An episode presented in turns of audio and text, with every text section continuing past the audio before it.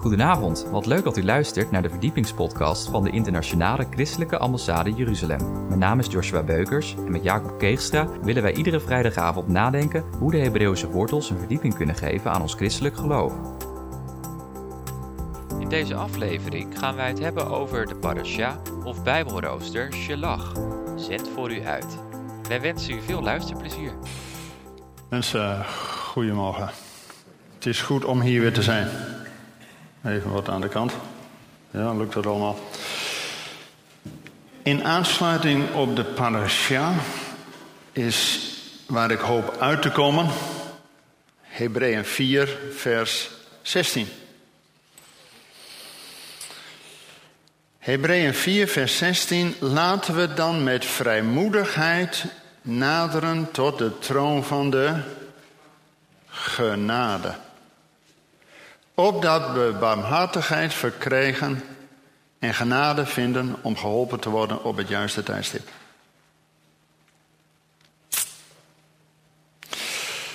Mensen, deze Shabbat wordt genoemd Shelach Lecha. Even terug. U kent de Tenach, wet, profeten en geschriften. Geschriften begint met Psalm 1. En in Psalm 1 zien we een opbouw. Dat je niet moet wandelen in de raad der goddelozen. Vervolgens je oor daarna laat hangen en erbij blijft staan te luisteren. En voordat je het weet, ga je erbij zitten.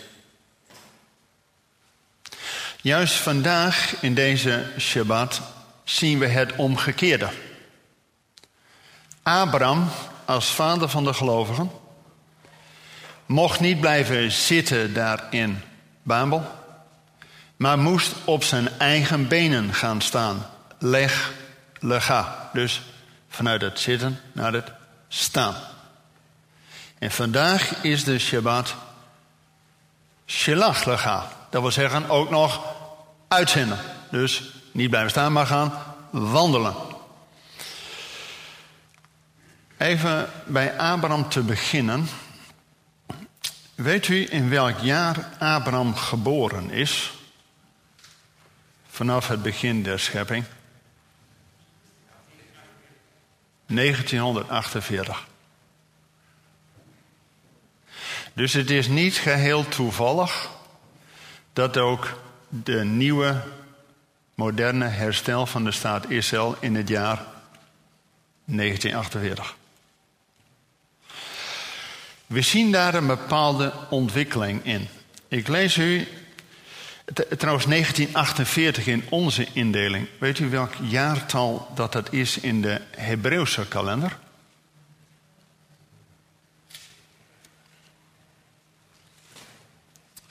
We leven nu volgens de Hebreeuwse kalender in dit jaar 577 afgelopen jaar en nu 5778. Dus 1948 was 5708. Zegt u niks. Laten we het 5708ste woord uit de Torah gaan lezen. En dat is Deuteronomium 30. Deuteronomium 30, vers 5. Want wat God in zijn woord doet, heeft invloed op wat hij doet aan zijn volk. En wat God doet aan zijn volk, heeft invloed op de volkeren. Deuteronomium 30, vers 5, daar staat: En de Heer, uw God, zal u naar het land brengen dat uw vaderen in bezit hadden en u zult het weer in bezit nemen. En nou komt het extra. En hij zal u goed doen en u talrijker maken dan uw vaderen. Wauw. Dus niet alleen herstel, maar nog meer. We kunnen nu nog meer verwachten dan toen het volk met Josia het land inging. Even terug. Om het verhaal te begrijpen. Pesach, Pasa, feest van de uitocht. U kent ongetwijfeld de vier bekers van de zedemaaltijd. Uitleiding, bevrijding, verlossing en dan aanneming.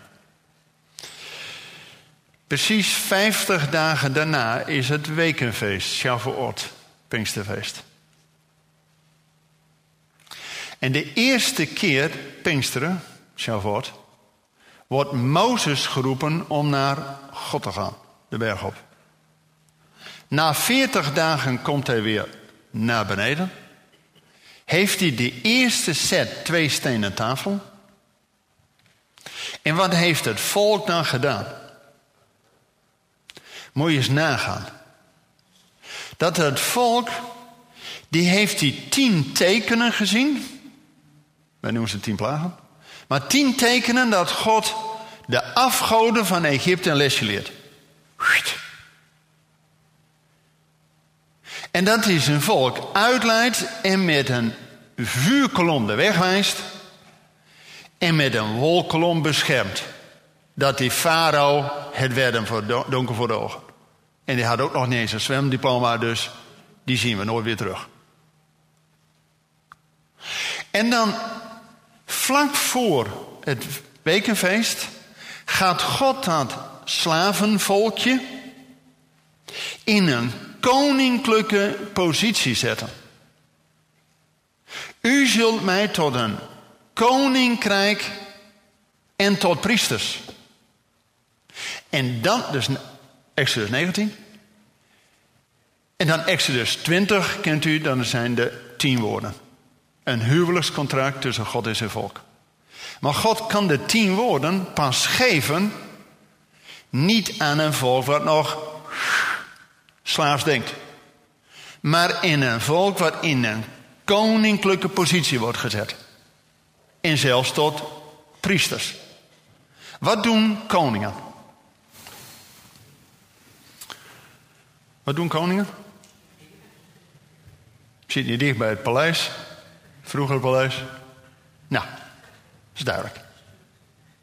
Wat doen priesters?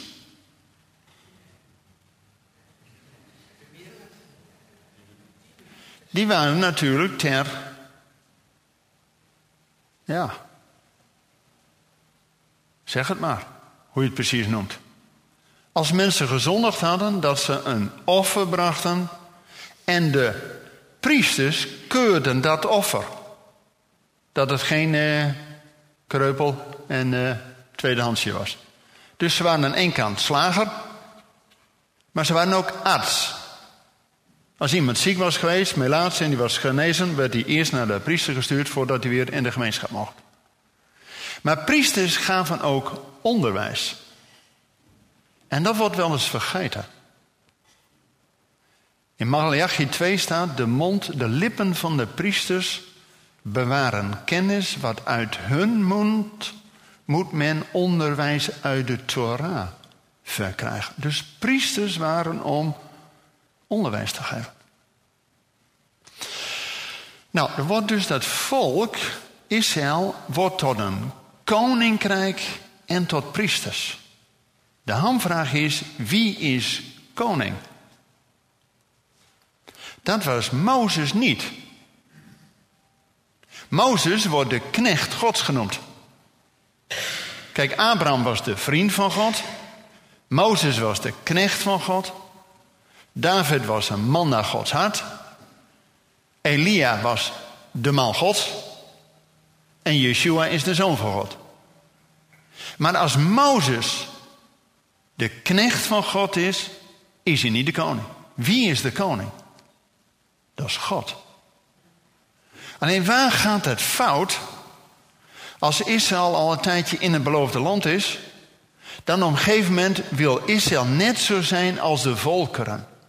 En dan zeggen ze tegen Samuel: Wij willen net zo zijn als de volk, want die hebben tenminste een koning.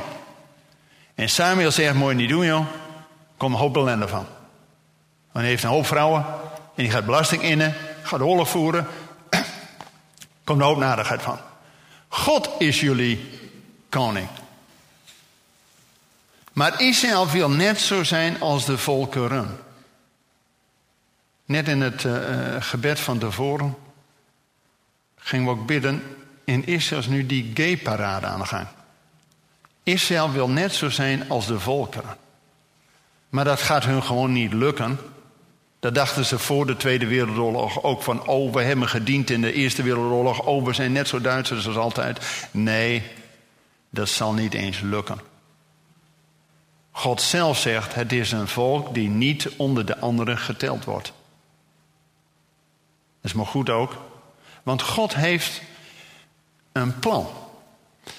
En nu wij 70 jaar verder zijn, zien wij als eerste generatie iets heel specifieks. Eerst even het verhaal. Als Mozes de eerste keer op die berg komt, na 40 dagen de twee stenen tafelen en het volk heeft gouden kalf, slaat Mozes die eerste twee stenen tafel aan gruzelementen. Ik dacht altijd, ho Mozes, even rustig aan. Want dit zijn de enige dingen van de hele Tenach die God geschreven heeft. Daar zou ik dan een beetje voorzichtig mee zijn. Later dacht ik, oh, maar dat is heel strategisch wat Mozes deed. Want doordat die wet er niet was, had hem kapot geslagen, had God ook geen grond om zijn volk te slaan.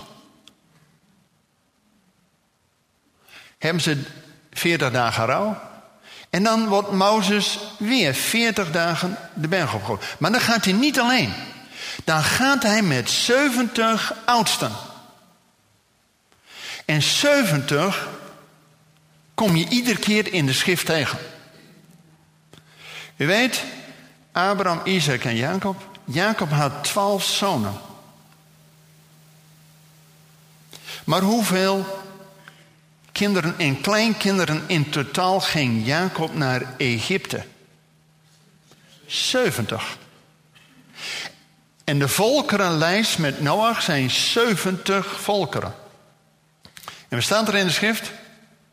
De volkeren zijn verdeeld over de aarde naar het getal van de kinderen van Jacob. Daarom heeft God ook Israël tot een koninklijke positie geroepen om de volkeren te onderwijzen. Hen tot priesterlijke roeping om de volkeren de woorden van God te leren. Alleen toen Israël de fout deed met de gouden kalf, kregen we dat Mozes vraagt: wie is nou voor de Heer? En dan komt alleen de stam van Levi bij hem staan. Levi, levieten en priesters. Dus dan krijg je het model dat niet Israël als heel volk tot koning en priesters. Om tot voorbeeld voor de volkeren en tot zegen voor de volkeren te zijn. Want dat was de roeping al aan Abraham. Hè? Abraham werd gezegend om tot zegen te zijn voor alle volken. Maar als Israël iets anders doet, heb je dus nodig een priesterstam die de verloren schapen van het huis Israël weer bij de les krijgt. Dus logisch dat de priesterstam, Levieten, en het volk, om het volk ook te leren, te onderwijzen, dat Israël helemaal niet aan de volkeren toekwam. Zending hebben ze ook nooit bedreven. Want ze waren eigenlijk meer met zichzelf bezig. Nou, na de uittocht, precies één jaar na Pesach, dus de eerste verjaardag van Pesach, wordt de tabernakel opgericht. Precies na twee jaar staan ze bij de zuidgrens van het beloofde land, Kades Barnea. En als je de eerste parasha leest uit nummer dan worden die twaalf, twaalf verspieders uitgezonden. U kent het verhaal. Tien zeiden, moet je niet doen, grote reuzen. Die andere twee zeggen, hoe groter de reus, hoe moeilijker ik ze kan missen. Eén gelooft het, een ander gelooft het wel. Maar in ieder geval, daardoor moest het volk rechtsomkeer terug. Kades Barnea betekent ook onwillige zoon. Dus ze moesten 40 jaar rondjes draaien in de woestijn. Dus als je de eerste keer niet in de roeping, in de bestemming van God een stap zet, dan kun je weer eindeloos rondjes draaien. Het lijkt of als je beweegt, maar je komt niet vooruit. Als de oproep ook is vandaag, Hebreeën 4 en dan vers 16. Laten we met vrijmoedigheid tot de troon van genade komen. Weet u, er is een opbouw in de schrift. Die wordt eerst door Israël voorgeleefd, want de schrift zegt: alles over Israël is opgeschreven, ons tot voorbeeld. Maar Israël ging de eerste keer niet in hun bestemming een stap zetten, geloof dat, maar gingen weer 40 jaar rondjes draaien, rondjes draaien, rondjes draaien. Ze kwamen er niet verder. De volgende generatie, pas met Josia. En Josia zendt geen twaalf verspieders uit, maar twee. Net zoals die twee goeie van de eerste ronde, zendt hij nu ook twee uit. En dan met Josia daarna, u kent dat Josia met de intocht precies hetzelfde schema volgt als met Pesach. Op de tiende van de eerste maand gingen ze door de Jordaan. Daarna hebben ze drie dagen besnijdenis bij Gilgal. En op de veertiende van de eerste maand vieren ze Pesach. Precies op dezelfde structuur als God gezegd had. Alleen Mozes was de knecht en Josia mocht hun inleiden. Nou, we zien ook in Hebreeën dat die andere Joshua, Yeshua, een stap verder komt dan Mozes. Mozes was de knecht over het huis, maar Yeshua is de zoon. Als je nou de naam Moshe uit het water gaat roepen. Als je die omdraait, wat krijg je dan? Hashem. Als je nou Meshua, Messias, omdraait, wat krijg je dan? Hashem Gai. Mensen, dat kunt toch zelf niet bedenken? Kunt toch zelf niet bedenken? Mozes deed het voorwerk, maar de Messias doet het grote werk. Pesach is het feest van de zoon. Shavuot, Pinksterfeest, is het feest van de geest. Wat missen we dan nog? Jongens, als we met vrijmoedigheid tot de troon van genade, wij blijven meestal staan bij de deur. En Yeshua is de deur. Amen. Maar is de deur tot de Vader. En wij blijven bij de deur staan. Ik wil u één tekst lezen in verlengde van Hebreeën 4, dat is uit Efeze. Efeze 2, vers 18. Efeze 2, vers 18. Precies dezelfde tekst uit Hebreeën 4, maar goed, in iets andere bewoordingen. Want op basis van twee of drie getuigen zal iets waar zijn. Efeze 2, vers 18. Nou, laat ik beginnen bij vers 17 om de context te begrijpen. En bij zijn komst heeft hij door het evangelie vredig verkondigd aan u die veraf was en aan hen die dichtbij waren. Want door hem, door Yeshua, hebben wij beiden, Jood en niet-Jood, door één geest de toegang tot de Vader. Jongens, het Berit Gadesha, het nieuwe verbond, zegt niks anders dan wat in het eerste verbond al is voorgedaan. Alleen Israël, die werd uitgeleid, maar dat duurde een hele generatie voordat ze werden ingeleid. In de bestemming.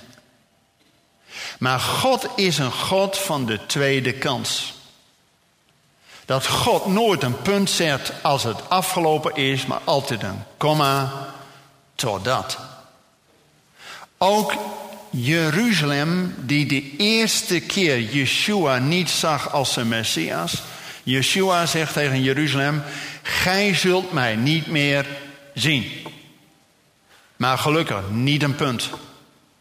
Want dan was het over en uit. Maar er staat een komma. Totdat.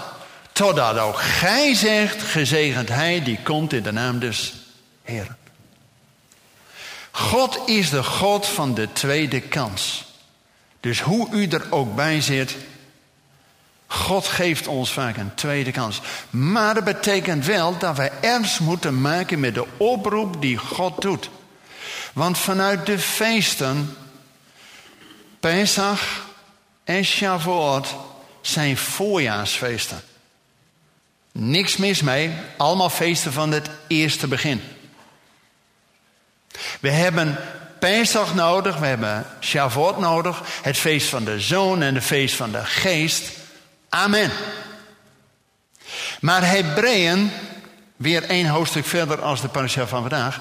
Hebreeën 5 en Hebreeën 6 roept ons op om van de melk naar de vaste spijzen te gaan. En de melk, zegt de schrift, is dat je bekeert u, laat u dopen, wordt vervuld met de geest. Dat is Pasen en Pinkster. Pesach en Shavuot. Maar het gaat erom dat wij als gelovigen zicht krijgen en ook naar het grote feest gaan. Loofhuttenfeest.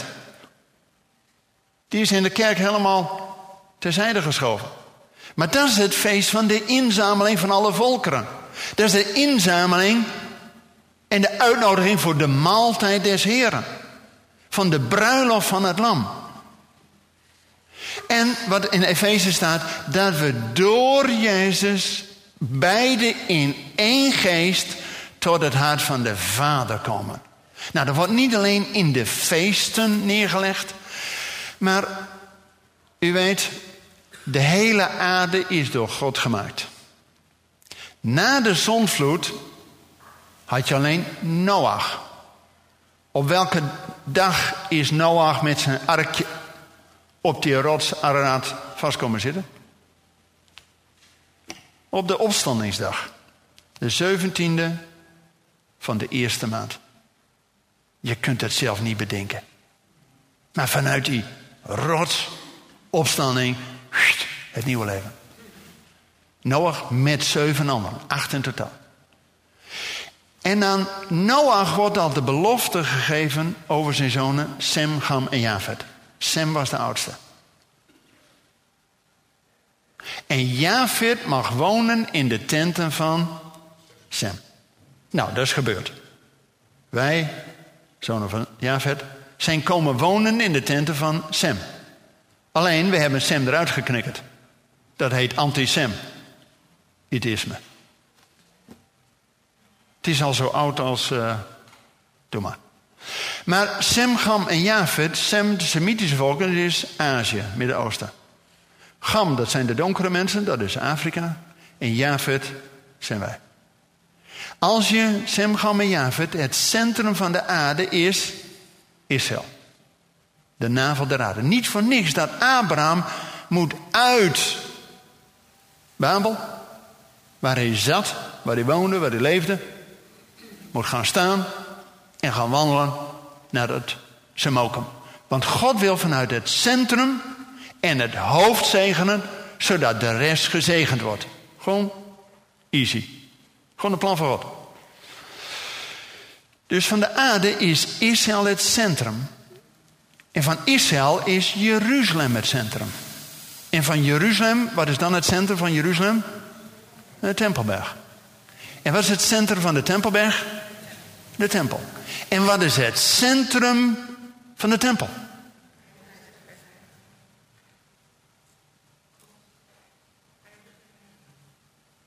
Waar hemel en aarde elkaar raken, de voetbank van de eeuwige, dat is de ark. En de voorhoofd waar het offer is een beeld van Yeshua. Als je gelooft dat Yeshua voor jou het offer gedaan heeft, mag je het offer voorbij. En dan kom je in het heiligdom, waar die menorah is beeld van de geest. En die verlichten de toonbroden. Leef toch voor onderweg. Maar het gaat erom dat je naar het centrum gaat. En dan mochten de priesters niet, alleen de hoge priester die het voor ons heeft ingewijd. En Aaron mag maar één keer per jaar, maar Yeshua, die hoge priester is naar de ordening van Melchizedek, heeft het hemelse voor ons geopend. Wat is nou de oproep uit Efeze? Dat we door Yeshua, beide, Jood en Griek, in één geest tot het hart van de Vader gaan. De troon van genade. En dat hangt samen met Pesach, Shavuot, Sukkot. Want daar kwam men ook, hè, Kippur, bij de troon van genade. Maar dat is ook voor ons.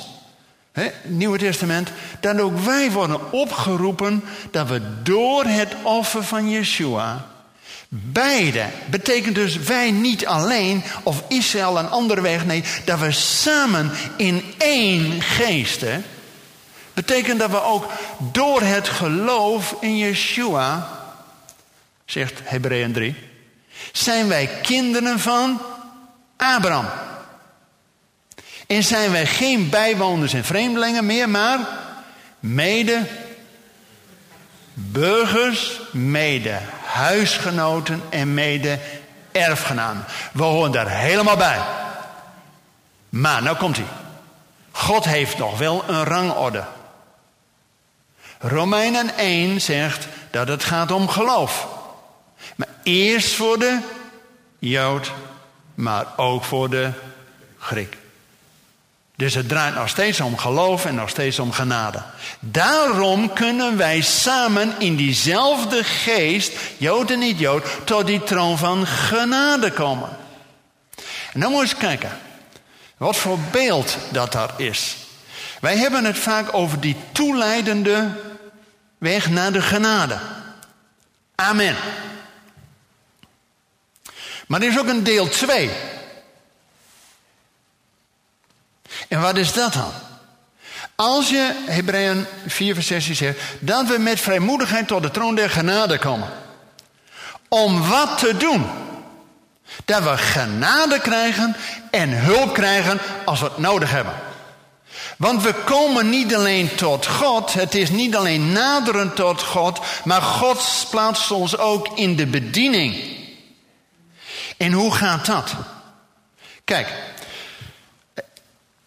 dat we vanuit die voorhof, wanneer het offer voor ons gebeurd is. Amen. Eén stap verder gaan we het heiligdom erin, beeld van de geest. Maar we willen, we gaan naar de troon van genade in het allerheiligste. En nou komt hij. Als daar kapara is gebeurd, verzoening, dan kunnen we teshuva doen, omkering. En voordat we zomaar, tegen zomaar de wereld ingaan, wil God ons twee dingen geven. Welke twee hulpen die we nodig hebben om het vol te houden in het leven. Kijk, als je bij die troon der genade, het centrum van het centrum van het centrum, daar mooi wezen. Als je dan, voordat je zometeen de wereld ingaat, is God je fundament. Is je backbone. Staat achter je. Is je fundament. Dan doe je één stap en dan ben je in het heiligdom. Zodat die menorah niet eenzielig kaasje, maar die volle licht van Gods geest, dat je vervuld wordt met Gods geest. En dan weer één stap verder ben je in die vooraf. Dat je bekleed wordt met Yeshua. Die wapenrusting van God. Want als je die wapenrusting, Efeze 6 leest, zijn allemaal middelen ter verdediging. Maar niks voor je rug. Maar als je bij Gods troon vandaan komt, is God je ruggenmerg, je backbone. En als je vervuld wordt met Gods geest, en waar het hart vol van is, overstroomt de. En als je dan bekleed wordt met Christus, dan is het enige aanvalswapen is het zwaard van de geest en dat is het woord van de Heer. Of het woord van de Heer is zwaard van de Heer. Dus als je vervuld wordt met Gods geest en bekleed wordt met Yeshua, dan is ook die twee hulpen, die twee troosters die met je meegaan, zijn het woord van God en dus tegelijk het zwaard van de geest. Dan hoef je het zelf niet te doen. Want als je het uit eigen kracht doet, jongens, binnen vijf minuten heeft de tegenstand je wel in het oor gefluisterd. Ja, dat is allemaal wel leuk, maar die genade is niet voor jou. He, jij viel zo onderuit. Binnen een week, jongen, je bent helemaal terug weer af. En wat zegt de schrift? Niet door kracht of geweld, maar door mijn geest. Daarom hebben ook niet alleen wij, maar ook Israël Gods geest nodig. En 70 jaar Israël. 70 Israël gaat met het Loofhuttenfeest 70 stieren offeren voor de volkeren. Een stier is een beeld van kracht. Maar als je kracht wordt geofferd en Israël doet dat plaatsvervangen door de volkeren. Wat kunnen wij nou doen plaatsvervangend voor Israël? Als God ons ook in die bediening wil plaatsen. En in zijn plan. Want u weet, Psalm 102, hè, dat is een Holocaustpsalm, het is beroerd. Maar the time to favor Zion has come. The set time to favor Zion has come. U zult opstaan en zich over Sion ontfermen van haar bestemde tijd is gekomen. 1948 was niet toevallig, maar in het plan van God. We hebben gelezen dat 5708 een woord van de Torah. En ik zal ze terugbrengen. En ze zullen nog meer vruchtbaar zijn dan ooit tevoren. Het is gewoon een plan van God. En wij, en hier staat vers 19, dit wordt beschreven aan de volgende generatie. Nou, in het Hebreeuws staat er aan de laatste generatie. Hoe lang duurt een generatie? Wat zegt de schrift? Ons leven is 70 jaar en die wij sterk zijn 80. De eerste 70 jaar hebben we gehad. Jongens, het wordt spannend. Wanneer Yeshua terugkomt, weet alleen de Vader. Daarom moeten we ook bij de Vader zijn om dat te weten. En Yeshua is de weg tot de Vader. Maar het betekent, wij zijn de eerste generatie die dit ziet, maar we hebben ook een roeping. Want Ezekiel moest twee keer profiteren. Weet u nog? Ezekiel 36. Dit dalde door de benen. En God zegt: Ezekiel, kunnen die benen erin herleven? Nou, Ezekiel kijkt en denkt: Nou, geen idee. En hij zegt: Heer, u weet het. Want hij had er geen idee van. Maar u weet het. En op basis dat God tegen Ezekiel profeteert, dus in de bediening gaat staan, dan gaan die botten, hoop gerommel, vel erover, maar geest was in hen nog niet. En dan moet Ezekiel een tweede keer profeteren dat de geest die uitgestort is naar de vier windstreken ook over hen gaat komen. Jongens, we kunnen het grote. De opdracht, hè? Er is een sabbatsrust om in te gaan. Dat is niet alleen de wekelijkse sabbatsrust, maar is ook de sabbat van de wereld, de duizendjarige vrederijk. Wij kunnen dat nooit ingaan als gelovigen alleen. Dat zullen we samen met Israël moeten doen. En daarom is ook onze opdracht dat wij op de benen gaan staan, net als een Abraham. En dat we gezonden worden door God. Om ook te bidden dat Gods geest, ook die tot aan Soest is uitgestort, dat hij ook over Israël komt. En dan wordt de machtig leger van Jeduhim. Wat betekent Juda? Godlovers. Als je ook Gods geest krijgt, dan doe je maar één ding voor het aangezicht van de Almachtig. Hem loven en prijzen. Want de opdracht, Efeze 2, dat we met vrijmoedigheid tot de troon der genade gaan. Om wat te doen? Om God te loven en te prijzen, te eren en te bidden. Want toen, als je Psalm 100 leest. We gaan met een danklied de poort binnen. Danklied kun je gewoon met je verstand doen. Toda. Je zegt gewoon met je verstand, dankjewel, toda. Maar als je daar bent, ga je met een tefila, een psalm, in de voorhof. Maar je komt pas in het allerheiligste wanneer de geest het van ons overneemt. Dan ga je van lofprijzing naar aanbidding. Weet u, toen die tempel werd ingewijd bij Salomo, dat de geest van God als de Shekinah glorie op die tempel kwam, konden de priesters geen dienst meer doen. Ze gingen helemaal plat. Dat is aanbidding. Maar dan neemt Gods geest het over. Mensen, wij hebben een roeping om door Yeshua beide in één geest tot het hart van de Vader te komen. Om Hem te loven en te prijzen. Maar ook om hulp te krijgen, zodat wij het volhouden in het leven tot die eeuwigheid.